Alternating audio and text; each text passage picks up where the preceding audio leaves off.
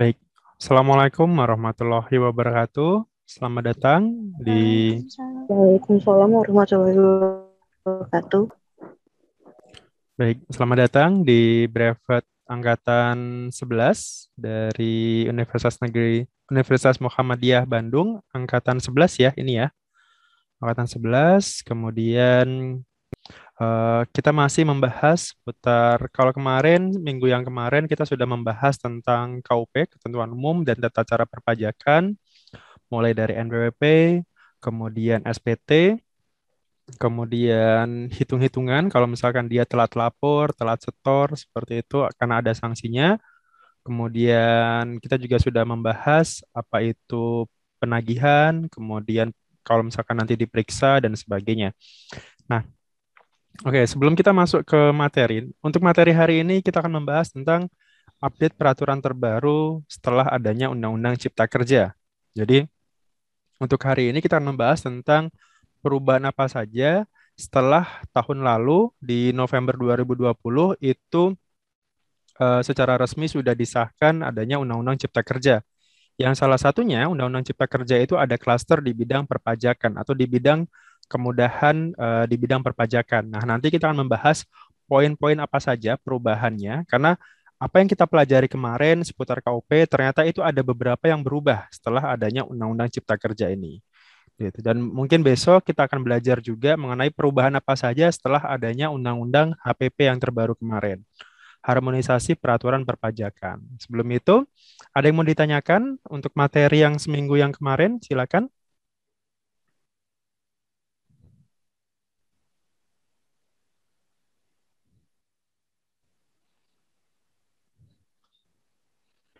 Oke. Kalau tidak ada, kita lanjut ya.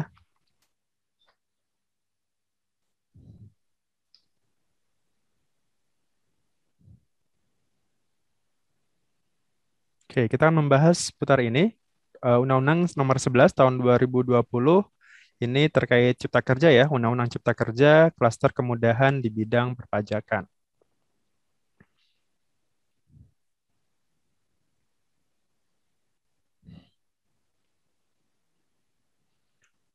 Oke.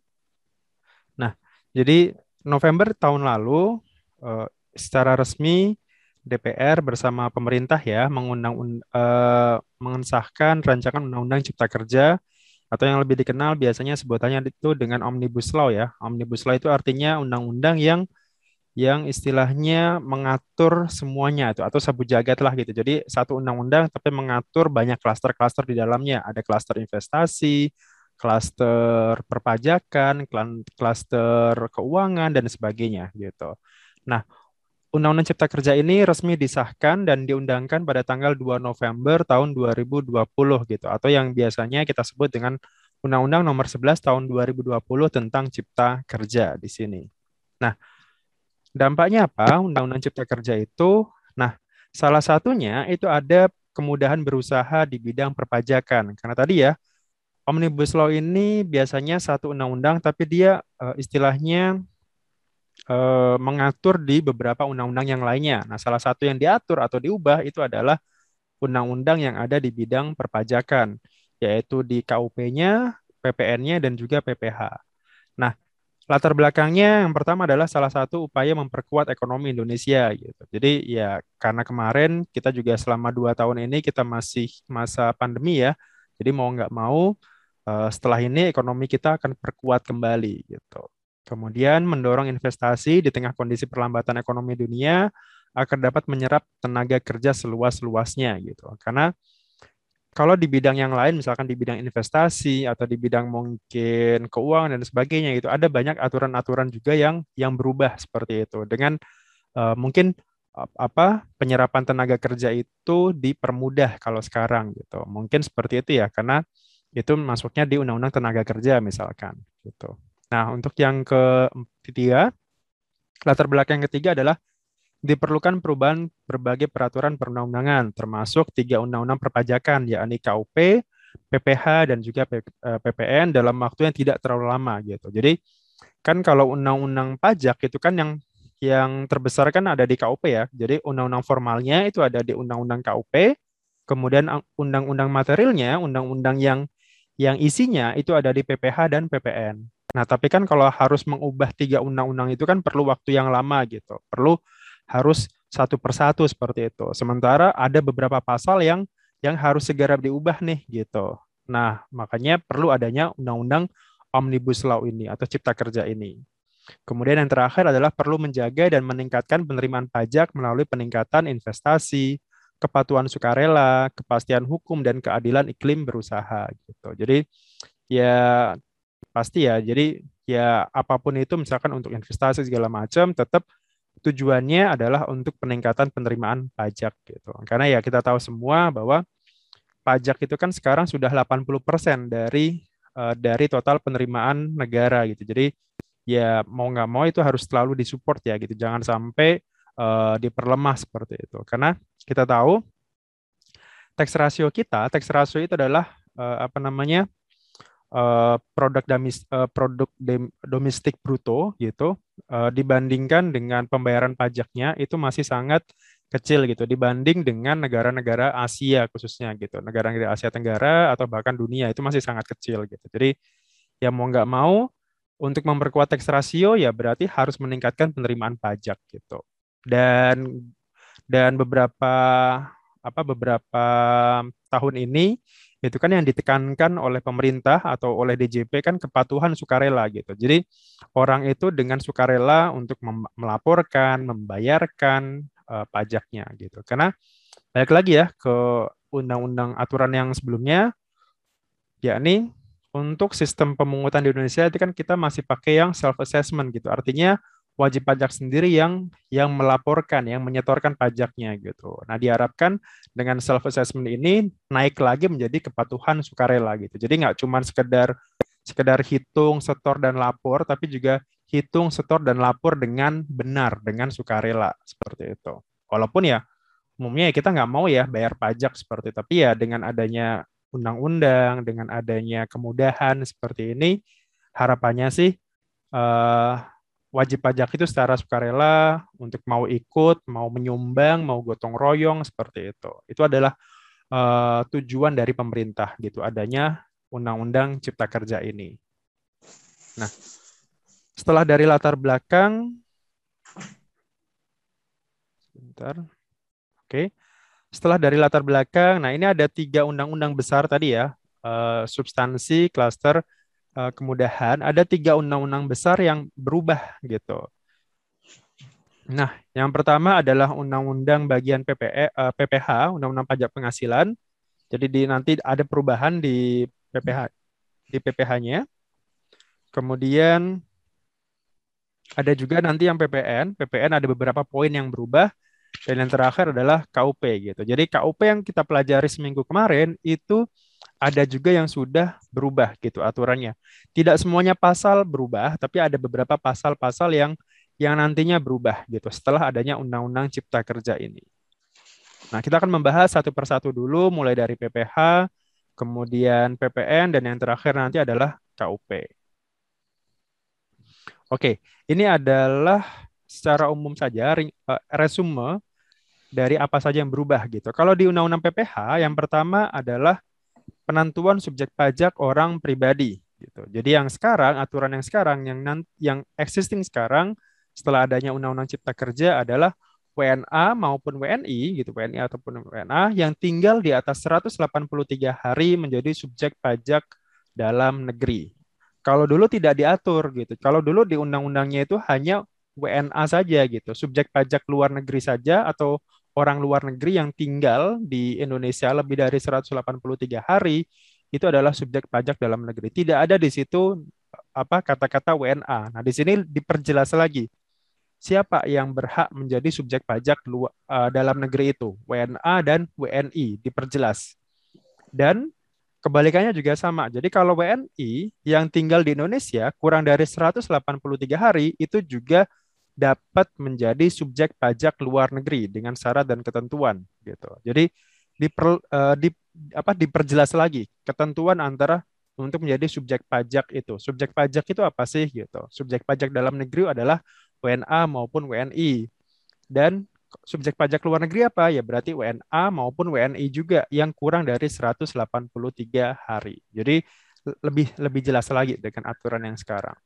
Kemudian yang nomor dua adalah pengenaan WNA so, uh, bagi PPH ya, pengenaan pajak penghasilan bagi WNA yang merupakan subjek pajak dalam negeri dengan keahlian tertentu hanya atas penghasilan dari Indonesia. Gitu. Jadi kalau orang luar negeri yang punya keahlian tertentu di sini, misalkan seorang peneliti, dosen atau atau yang sejenis itu, maka dikenakan hanya terbatas pada penghasilan yang ada di Indonesia. Gitu. Jadi dia tidak uh, untuk penghasilan yang dari luar negeri sana atau negara asalnya itu tidak dipajaki di Indonesia. Gitu. Jadi hanya terbatas yang ada di Indonesia saja. Kemudian, nah ini juga yang yang poin-poin pentingnya penghapusan PPH atas dividen dari dalam negeri gitu. Jadi kalau dulu dividen itu khususnya dividen badan ya, dividen badan itu kena PPH pasal 23. Nah, tapi sekarang untuk PPH badan itu tidak dikenakan pajak sekarang. Jadi dividen untuk untuk badan itu tidak dikenakan gitu dengan syarat dan ketentuan apa pun gitu. Jadi tidak ada batasannya. Kalau dulu ada batasannya uh, minimal apa maksimal 25%, kemudian apa uh, bukan berasal dari cadangan laba ditahan dan sebagainya. Kalau sekarang semua dividen yang diterima oleh badan itu tidak dipotong pajak. Kemudian berikutnya adalah dividen dan penghasilan setelah pajak dari luar negeri tidak dikenakan pajak sepanjang diinvestasikan atau digunakan untuk Indonesia. Nah, ini adalah untuk dividen yang diterima oleh orang pribadi. Gitu. Jadi kalau orang pribadi pun uh, ataupun badan ya sama. Jadi kalau yang kita terima penghasilan dari luar negeri, baik itu berupa dividen ataupun tidak berupa dividen, itu tidak dikenakan pajak sepanjang diinvestasikan di Indonesia. Jadi harus ada bentuk investasinya di Indonesia gitu. Kemudian berikutnya adalah penghasilan dari luar negeri selain dari BUT sepanjang diinvestasikan di Indonesia itu juga eh, apa namanya tidak dipotong pajak itu tidak dikenakan pajak di sini dengan catatan tadi ya diinvestasikan. Kemudian ada tambahan untuk non, yang non objek PPH.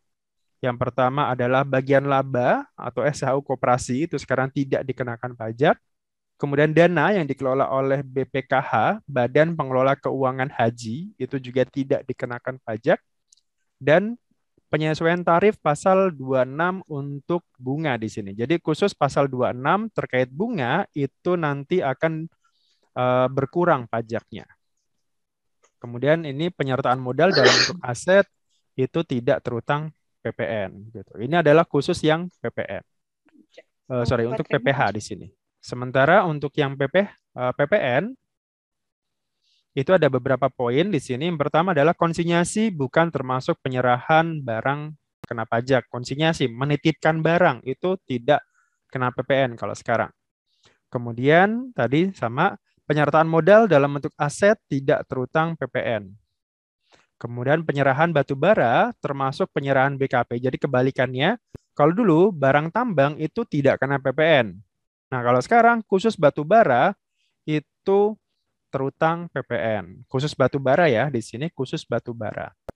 Kemudian relaksasi hak pengkreditan pajak masukan bagi pengusaha kena pajak gitu. Jadi kan kalau PPN itu kan ada namanya pengkreditan pajak masukan. Jadi pajak-pajak PPN yang sudah kita bayarkan, sudah kita beli, itu bisa kita kreditkan. Nah, itu ada relaksasinya nanti. Kemudian pencantuman nik pembeli, nik pembeli yang tidak memiliki NPWP dalam faktur pajak gitu. Jadi sekarang sudah diatur nik nomor nomor nik itu sudah bisa dipakai untuk pembuatan faktur gitu. Apalagi sekarang juga nantinya akan berubah ya. Nik itu bisa jadi untuk NPWP gitu. Jadi antara nik dan NPWP itu sekarang sudah disamakan nanti. Tapi itu akan kita bahasnya besok gitu. Kemudian pengaturan faktur pajak untuk PKP pedagang eceran gitu.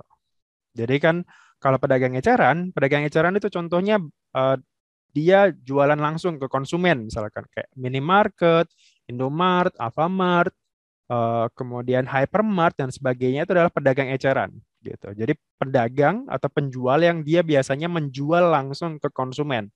Jadi dia tidak tidak menjual ke distributor atau ke pedagang besar lainnya enggak. Jadi langsung dijualnya ke konsumen biasanya. Nah, itu adalah PPN gitu. Poin yang ada di PPN. Kemudian poin yang terakhir ada di KUP. Nah, KUP itu ada beberapa poin. Yang pertama, sanksi administrasi pengungkapan sendiri, ketidakbenaran perbuatan WP nanti akan turun kira-kira berapa nanti. Kemudian pengaturan ulang antara ini sanksi administrasi bunga dan imbalan bunga. Kemarin ya kita sudah belajar bahwa kalau aturan yang lama itu semuanya 2%. Nah, dengan adanya Undang-Undang Cipta Kerja terbaru sekarang, itu sekarang sudah berubah. Yang seperti kita pelajari kemarin ya, itu sekarang sudah sudah sesuai dengan uh, suku bunganya seperti itu. Kemudian di sini menerbitkan SKPKB surat ketetapan pajak kurang bayar PKP yang tidak melakukan penyerahan BKP atau JKP uh, dan atau ekspor ya dan telah diberikan pengembalian PM atau telah mengkreditkan pajak masukan gitu. Jadi uh, untuk pen, ketika kita sudah diperiksa gitu, jadi wajib pajak ketika sudah diperiksa itu pun masih bisa masih bisa mengkreditkan pajak masukannya gitu. Kalau aturan yang lama tidak boleh gitu. Kalau sudah diperiksa ya sudah selesai. Pajak masukannya tidak bisa dikreditkan. Kemudian penerapan satu jenis sanksi administrasi gitu. Jadi kalau dulu bisa kena dua sanksi, kalau sekarang cukup satu sanksi saja. Kemudian di sini lima tahun tidak diterbitkan SKP gitu, SPT menjadi pasti kecuali WP melakukan tindak pidana di bidang perpajakan. Gitu. Jadi ini juga ada kepastiannya lagi bahwa lima tahun kemarin ya kita sudah belajar daluarsa pajak itu adalah lima tahun gitu. Jadi kalau sampai dengan lima tahun tidak ada SKP yang terbit, baik itu SKP KBT, SKP KB, SKP LB dan sebagainya, itu menjadi sudah eh, apa dianggap selesai, dianggap pasti SPT-nya. Kemudian pidana pajak yang telah diputus tidak lagi diterbitkan surat ketetapan pajak gitu. Kemudian penertib, eh, penerbitan STP daluarsanya adalah lima tahun, maksimal lima tahun. Kemudian STP dapat diterbitkan untuk menagih imbalan bunga yang seharusnya tidak diberikan. Gitu. Jadi sekarang ada tambahan pasal untuk STP ini. Gitu. Jadi kurang lebih ada beberapa poin itu terkait TPH, PPN dan juga KUP. Nah, setelah ini kita akan bahas masing-masing uh, poin tadi ya, gitu. Baik itu PPH, PPN maupun KUP ini. Oke. Oke, yang pertama itu adalah tentang PPH dulu ya. Nah, PPH itu undang-undang terakhirnya itu sudah disahkan dulu nomor 36 tahun 2008 gitu. Jadi mungkin sudah cukup lama juga. Kemudian PPN itu juga terakhir undang-undangnya adalah nomor 42 tahun 2009. Kemudian KUP itu adalah nomor 16 tahun 2009 juga gitu. Jadi undang-undang inilah yang nanti ada sedikit perubahan, ada pasal-pasal yang nantinya akan berubah terkait terkait tadi ya terkait adanya perubahan uh, tadi ada PPH, PPN dan juga KUP tadi.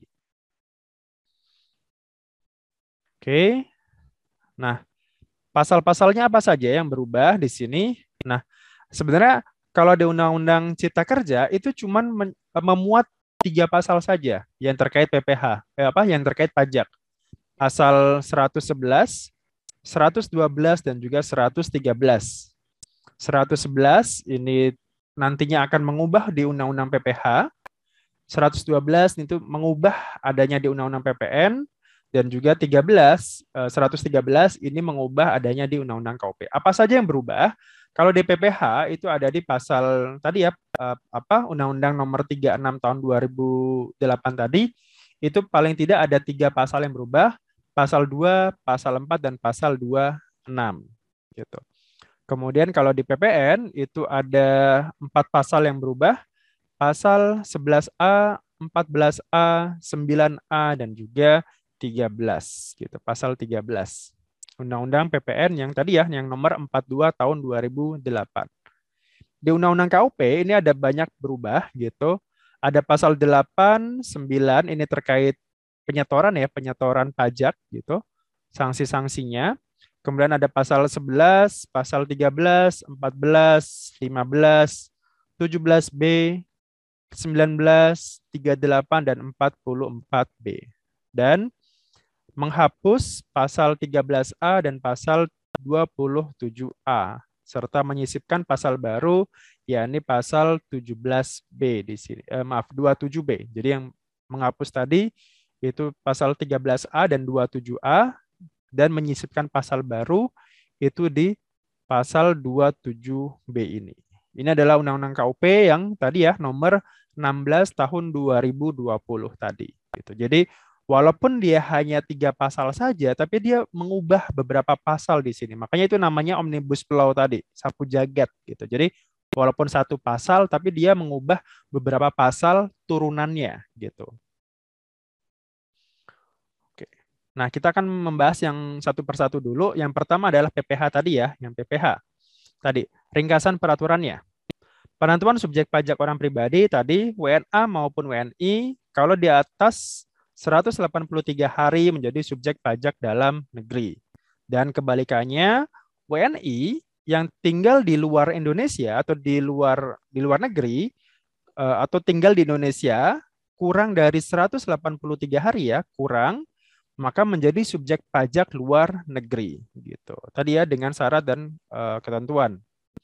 Kemudian pengenaan bagi PPH untuk WNA ya, eh, pengenaan PPH bagi WNA yang merupakan subjek pajak dalam negeri gitu dengan keahlian tertentu hanya atas penghasilan dari Indonesia. Kemudian penghapusan PPH atas dividen dari dalam negeri, ini khusus PPH badan ya, khusus PPH badan.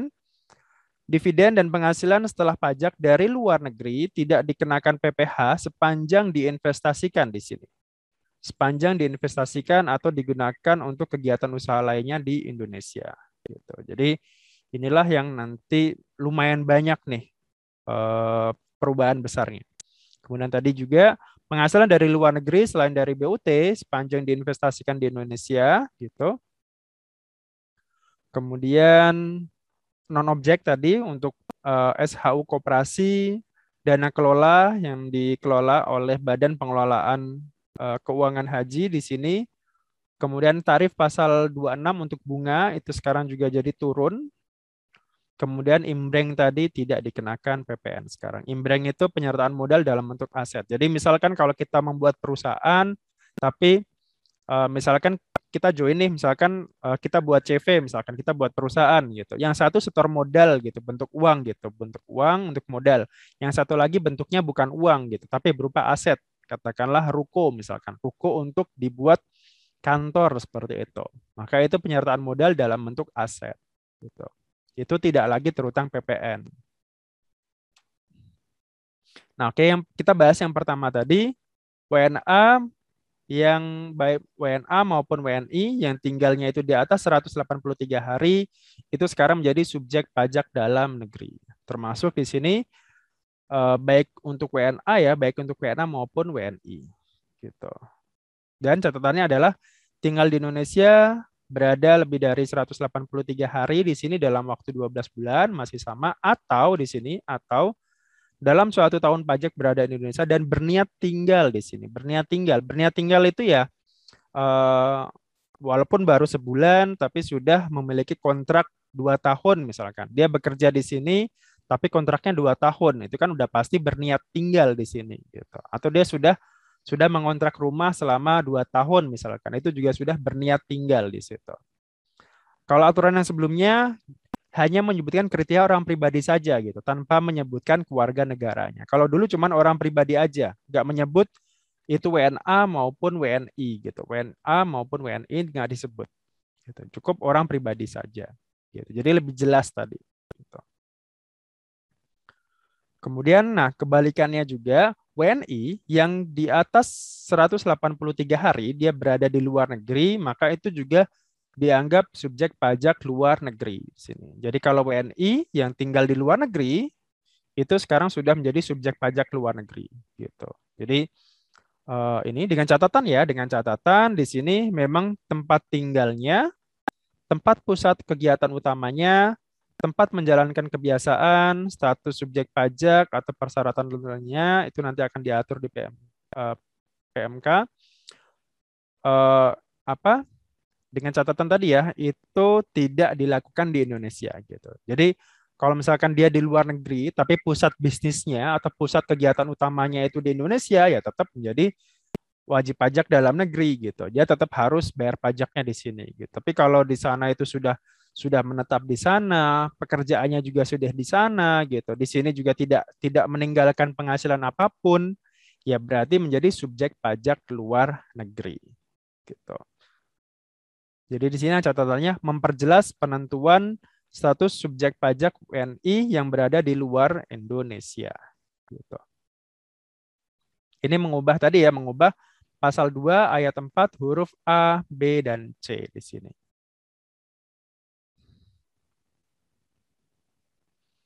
Kemudian di sini pasal 4, pasal 4 huruf 1A, kemudian 1B dan 1C adalah untuk WNA yang 4 tahun pertama ya, jadi hanya khusus 4 tahun pertama saja, warga negara asing yang telah menjadi subjek pajak dalam negeri dikenakan PPH hanya atas penghasilan yang diterima diperoleh di Indonesia gitu.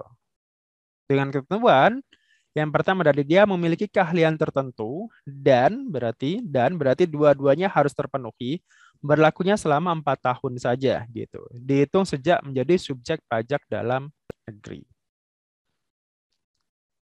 Termasuk penghasilan yang sehubungan dengan pekerjaan, jasa atau kegiatan di Indonesia yang dibayarkan di luar negeri kemudian tidak berlaku terhadap WNA yang memanfaatkan P3B gitu. Jadi kalau kalau WNA tersebut uh, memakai tax treaty, memakai uh, apa penghindaran pajak berganda ya sudah berarti pakai yang aturan yang tax treaty tadi gitu. Kalau aturan yang lama di sini dikenakan PPH atas penghasilan baik Indonesia maupun dari luar Indonesia gitu. Kenapa? Karena kalau dulu, kalau statusnya itu sudah menjadi subjek pajak dalam negeri, maka semuanya uh, Indonesia menganut worldwide income gitu. Jadi penghasilan dari mana pun sepanjang itu subjek pajak dalam negeri, maka dipajakinya di Indonesia. Tapi kalau sekarang khusus WNA yang punya keahlian tertentu tadi ya, gitu, maka cukup yang yang keahlian tadi saja yang dikenakan pajak dan itu maksimal hanya empat tahun saja. Lebih dari itu ya sudah pakai aturan yang yang biasa lagi gitu.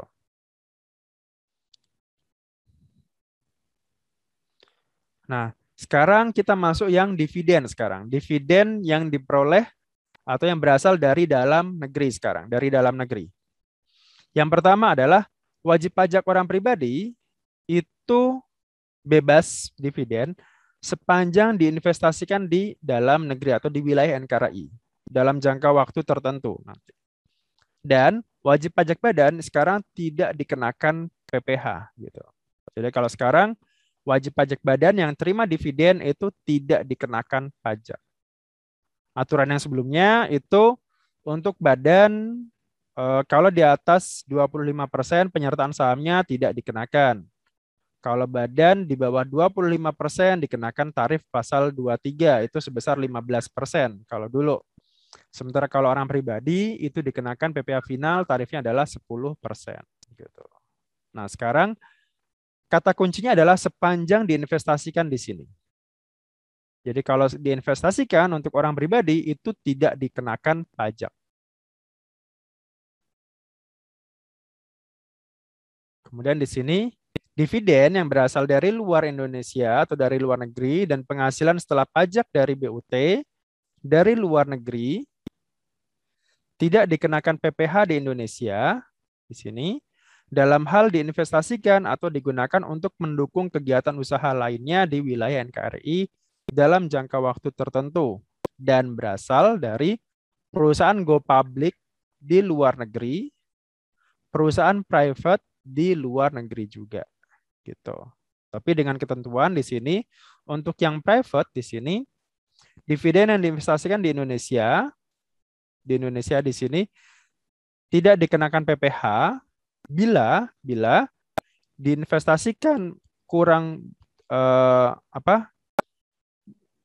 Kalau di kalau semuanya ya misalkan dia dapat dividen diinvestasikan semuanya oke okay, dia tidak dikenakan PPH tapi kalau misalkan diinvestasikannya itu kurang dari 30% dari laba setelah pajak uh, BUD tadi uh, ben, apa bentuk usaha luar negeri tadi selisih dari 30% tadi uh, dikurangi realisasi investasinya dikenakan PPh. Nanti akan ada contohnya nanti setelah ini. Sisa laba setelah pajak badan usaha luar negeri setelah dikurangi A dan B tidak dikenakan PPh. Gitu. Nah, untuk lebih sederhananya nanti ada contohnya setelah ini. Nah, kemudian yang nomor berikutnya pasal 4 ayat 3 huruf F dan eh, angka 7 di sini. Penghasilan dari luar negeri tidak melalui bentuk usaha tetap, tidak melalui BUT, tidak dikenakan PPh dalam hal diinvestasikan di wilayah NKRI dengan ketentuan di sini penghasilan berasal dari usaha aktif di luar negeri dan di sini dan bukan penghasilan dari perusahaan yang dimiliki di luar negeri. Jadi kalau misalkan kita punya penghasilan uh, di luar negeri itu tidak dikenakan pajak gitu.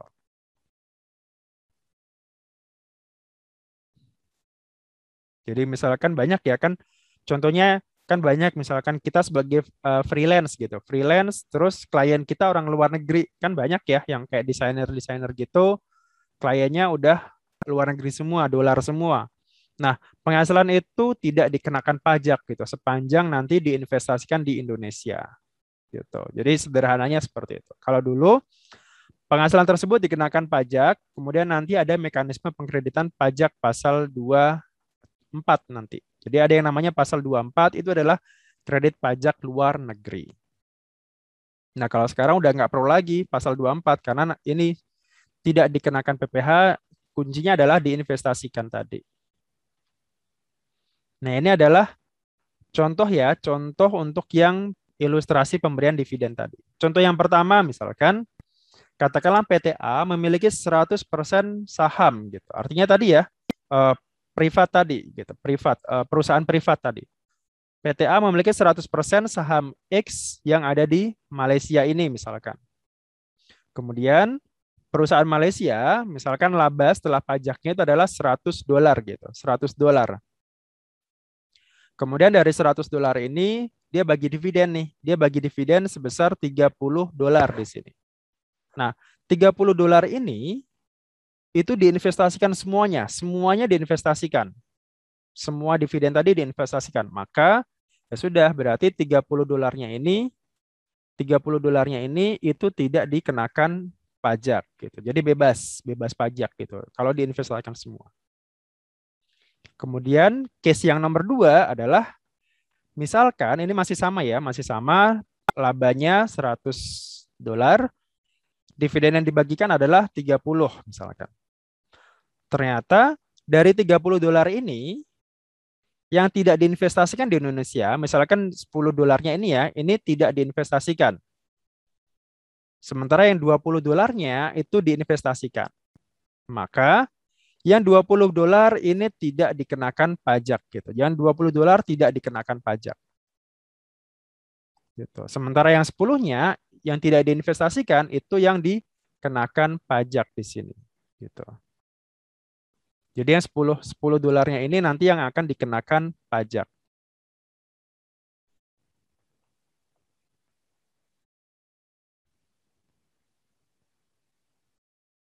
Oke, nah kemudian contoh yang nomor tiga di sini adalah ini masih sama, misalkan uh, kemudian dari laba 100 ini ternyata yang dibagikan hanya 25 dolar. Artinya dia kurang dari 30 persen gitu. Kurang dari 30 persen. Misalkan, nah ternyata dari 25 dolar ini yang 25 persen berarti kan 25 persen itu semuanya diinvestasikan. Gitu. Semuanya diinvestasikan. Nah, berarti yang 25 dolar ini berarti tidak dikenakan pajak gitu. Yang 25 ini tidak dikenakan pajak. Yang 5 dolarnya ini dari mana? 5 dolar kan seharusnya yang dibagi. Tadi ya, kan yang batasannya kan 30% ya, 30% di sini. Nah, 30% berarti kan ini sudah 25, berarti kan harusnya 30 gitu. Apa dividen yang harusnya dibagikan tadi gitu. Maka yang limanya ini, 5 dolarnya itu yang nanti dikenakan pajak gitu. Karena ini ya, dividen dibagikan di bawah threshold tadi, di bawah threshold 30% gitu. Maka yang 5 5 5 dolarnya inilah yang menjadi objek uh, pajak dividen nantinya.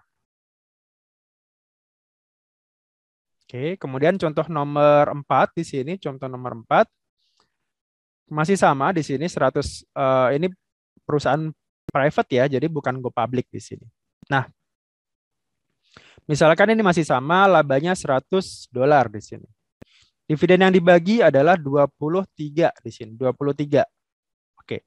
Dari 23 ini yang diinvestasikan itu ternyata hanya 20-nya gitu. Yang diinvestasikan hanya 3 hanya 20 dari 23 yang diinvestasikan hanya 20.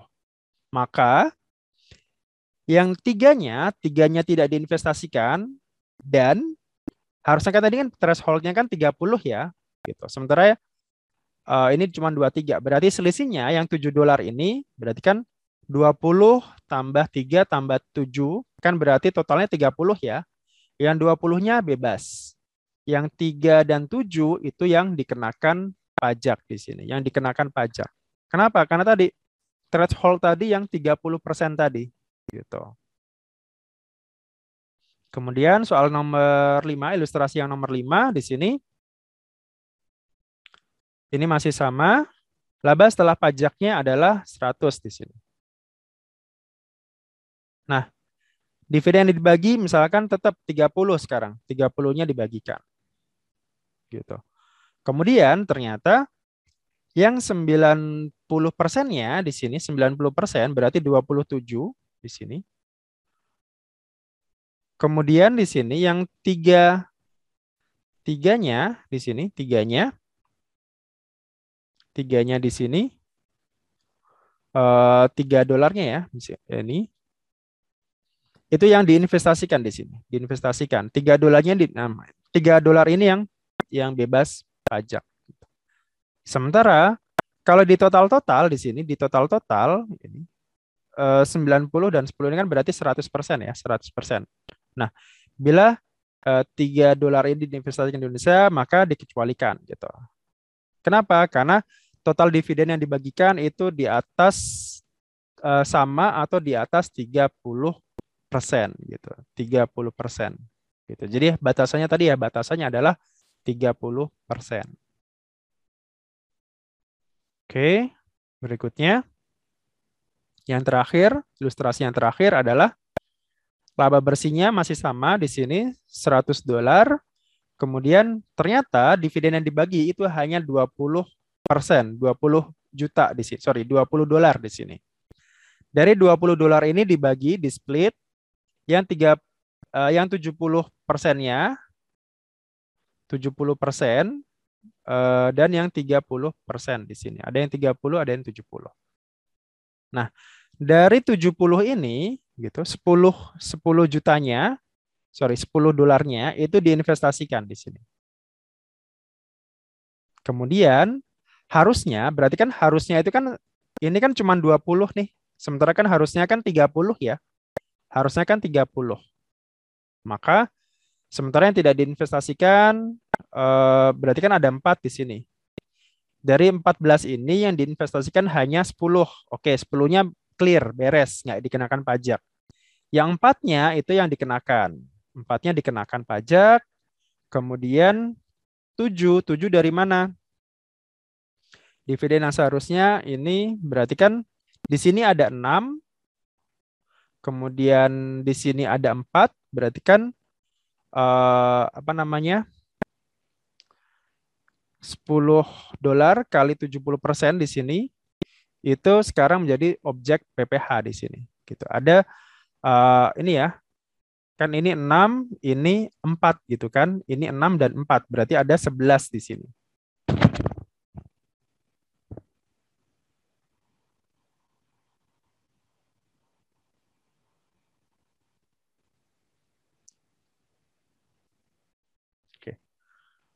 Kemudian yang uh, perubahan berikutnya adalah ini terkait non objek sekarang, non objek pasal 4, pasal 3 uh, Undang-Undang PPH ya masih dikecualikan dari objek PPH adalah eh, Badan Pengelola Keuangan Haji itu sekarang tidak dikenakan pajak gitu. Kalau dulu merupakan objek PPH gitu. Kalau sekarang BPKH itu tidak dikenakan pajak.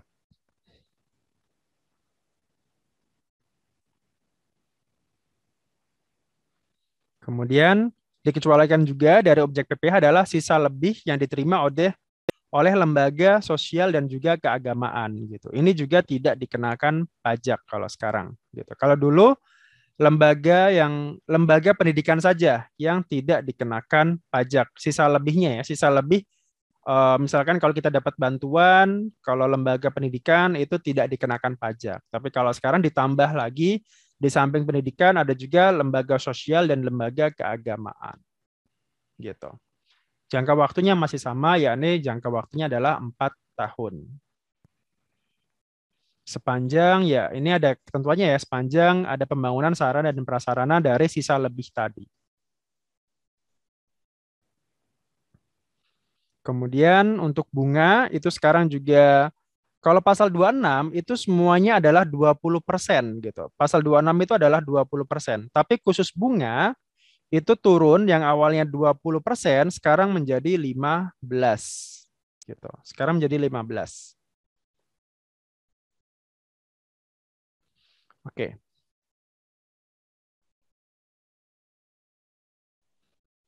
Oke. Uh, kira-kira itu poin pertama untuk yang PPH gitu. Silakan kalau ada pertanyaan sebelum saya lanjutkan ke poin berikutnya yang PPN. Itu aja sih Pak ilustrasi yang soal. Pak, saya mau tanya. Yes.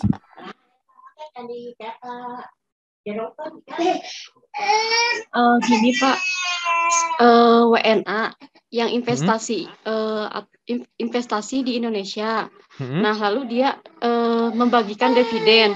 Hmm. Nah itu dividennya dipotong ini nggak PPH nggak Pak? yang dia seorang mana? WNA gitu. Mm-hmm. Nah, tapi dibagi dividen, dividennya teh nggak diinvestasikan lagi di Indonesia, tapi di uh, ke negara asalnya gitu, Pak. Oke, okay. WNA punya dividen gitu. Nah, WNA ini dia subjek pajak dalam negeri apa luar negeri? Uh, dalam negeri, karena kan dia punya perusahaan di Indonesia. Mm-hmm. Investor, Pak, investor di Indonesia. Nah, punya perusahaan, perusahaan itu bagi dividen, eh, dividennya dia eh, disimpan di luar negeri gitu, bukan untuk diinvestasikan lagi di Indonesia. Itu kena pajak PPH nggak Pak? Kalau, yang dia, hmm? kalau yang kemarin kan kena ya 10 persen. Nah, hmm. kalau untuk yang peraturan sekarang itu kena nggak? Kalau statusnya adalah subjek pajak dalam negeri ya tetap kena ya berarti ya. Oh tetap kena. Iya. Hmm. Oke, baik, Pak. Iya. Ada lagi silakan. Tadi uh, siapa? Salsabila.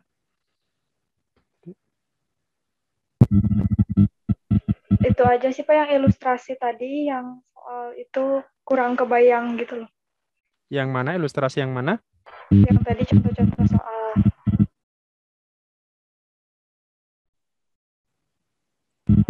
yang contoh-contoh uh, persenan tadi dividen itu. Oke. Okay. Yang yang yang option kelima sama keenamnya Pak kurang jelas. Oh, option 5 dan 6. Oke. Okay. Iya. Yang yang 5 ya. Yang 5 ini kan pertama. Uh, oke, okay, ini sama-sama, ininya sama. Nah, laba setelah kita baca aturannya dulu ya di sini Nah, di sini untuk yang privat, di sini perusahaan privat di luar negeri, dividen yang diinvestasikan di Indonesia tidak dikenakan pajak. Uh, pajak. Oke. Okay. Kemudian bila yang diinvestasikan kurang dari 30% laba gitu. 30% dari laba ya. Jadi yang diinvestasikan kurang dari uh, kurang dari 30 persennya dari laba setelah pajak uh, badan luar negeri selisihnya dari 30 persen itu dikurangi realisasi investasi di Indonesia yang kurang dari 30% tadi dikenakan PPH. Kemudian selisih laba eh, badan luar negeri setelah dikurangi A dan B tidak dikenakan PPH. Nah, kita baca di ilustrasinya tadi. nah, ini. Nah, ini kan dividen yang dibagi itu kan 30 ya, gitu. Artinya labanya ini 100 gitu. Nah, kemudian dividen yang dibagikan adalah 30 dolar di sini, 30 dolar. Nah, dari 30 dolar ini tiganya sudah diinvestasikan di Indonesia gitu. Nah, sementara yang dua tujuhnya ini tidak misalkan. Maka tetap yang tiga, tiga itu dikecualikan uh, dikecualikan dari PPH ya, gitu. Dikecualikan dari PPH. Gitu. Karena total dividen yang dibagikan itu di atas uh, 30 uh, sama atau di atas 30 persen. Jadi yang yang ini tidak dikenakan pajak, sementara yang ini yang nanti dikenakan. Nah, kemudian yang nomor 6 gitu, yang nomor 6 ini, nah dividen yang dibagikan itu hanya 20-nya misalkan, 20-nya. Sementara kan batasannya tadi kan eh, batasannya tadi kan 10 30. ya gitu. 30 gitu. Tambahnya kan 10 gitu. Nah, dari dari 20 ini, 20 uh, 26 ditambah 14 itu kan berapa? 20 ya. 20 dua uh, sorry, 6 ditambah 14 ini kan berapa? 20. Dari 20 ini, dari 20 70 persennya eh, apa 70 persennya misalkan dibagikan misalkan diinvestasikan gitu misalkan 70 persennya diinvestasikan dari 70% ini yang diinvestasikan di Indonesia itu hanya 10 misalkan. Dari 14 yang diinvestasikan hanya 10. Berarti kan ada yang empat ini yang tidak diinvestasikan. Nah, ini yang dikenakan pajak nanti. Oke. Kemudian di sini eh, dividen yang seharusnya dibagi kan eh, 7 7 dolar eh, 7 dolar itu 70% kali 10 gitu. Kan harusnya kan tadi kan totalnya kan ada 20 ya. Sorry. Kan ada eh, apa namanya ini dividen seharusnya dibagi 7 dolar eh, 10 kali kan harusnya kan tadi kan ini ini kan cuma 20. Harusnya kan 30 ya, harusnya kan 30. Nah, dari 30 itu yang yang dua diinvesta yang dua dibagi, yang 10-nya ini yang yang nggak dibagi. Itu kan kan labanya kan harusnya dibagi 30 nih. Gitu. Ternyata kan ada 10-nya yang tidak dibagi. Nah, dari 10 ini kan 70 persennya tadi, 70 persen itu yang harusnya ini ya, 70 persen angkanya dari sini, 70%. Jadi 10 dolar kan 70% yang harusnya diinvestasikan tadi. Berarti ada sekitar 7 di sini. Gitu. Berarti ada 4 plus 7. 4 eh, plus 7 ada total 11 11 dolar di sini, 11 dolar yang nantinya menjadi objek pajak gitu. Gimana? Jadi uh, sederhananya adalah yang sudah diinvestasikan cuma 20. Padahal kan harusnya dia 30 kan, harusnya 30. Dari 20 ini yang diinvestasikan hanya 10, hanya 10 dolar gitu. Nah, sisanya berarti kan uh, ini yang tidak diinvestasikan gitu. Ini berarti ya uh, apa? Ya bukan bukan objek gitu ya, bukan objek, bukan objek karena dia tidak diinvestasikan. Kemudian 4 ini 4 dolar tahu ya, 4 dolar itu dari 14 dikurangi 10 ini. Hasilnya 4. 7, 7 dapatnya dari mana? 7, harusnya kan dia totalnya 30. Dikurangi 10 di sini. Dikur, eh, sorry, dapatnya kan harusnya 30. Dikurangi yang 20 dolar ini dikurangi 20 20 dolar yang sudah dibagi. Yang harusnya dibagi kan adanya 10 lagi kan, 10. Nah, dari 10 ini yang diinvestasikan tadi yang ini 70% berarti 10 kali 70 persen. Hasilnya adalah 7 dolar. 7 ditambah 4 hasilnya adalah 11 dolar. Itulah yang nanti akan diinvestasikan tadi. itulah yang akan menjadi objek pajak tadi ya gitu. Jadi uh, tadi agak tadi saya uh, salah sedikit uh, bukan 6 plus 4 tapi 7 plus 4. Maka dapatnya 11 ini. Gitu. Gimana? Iya, Pak. Ngerti. Ini kalau nggak salah sudah ada pembahasannya di YouTube saya. Nanti kalau misalkan masih kurang jelas juga, silakan nanti uh, bisa dicek ya di YouTube saya nanti. Ya, baik. Terima kasih. Oke, kita lanjutkan.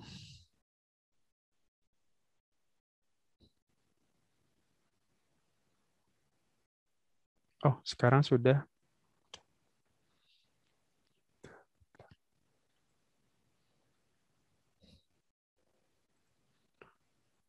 Oke. Oke, sekarang sudah 19.30.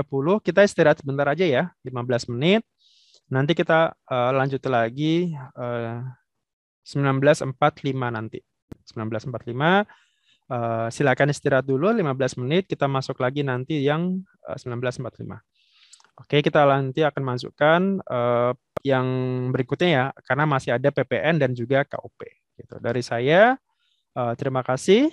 Uh, saya tutup dulu. Assalamualaikum warahmatullahi wabarakatuh. Waalaikumsalam warahmatullahi wabarakatuh.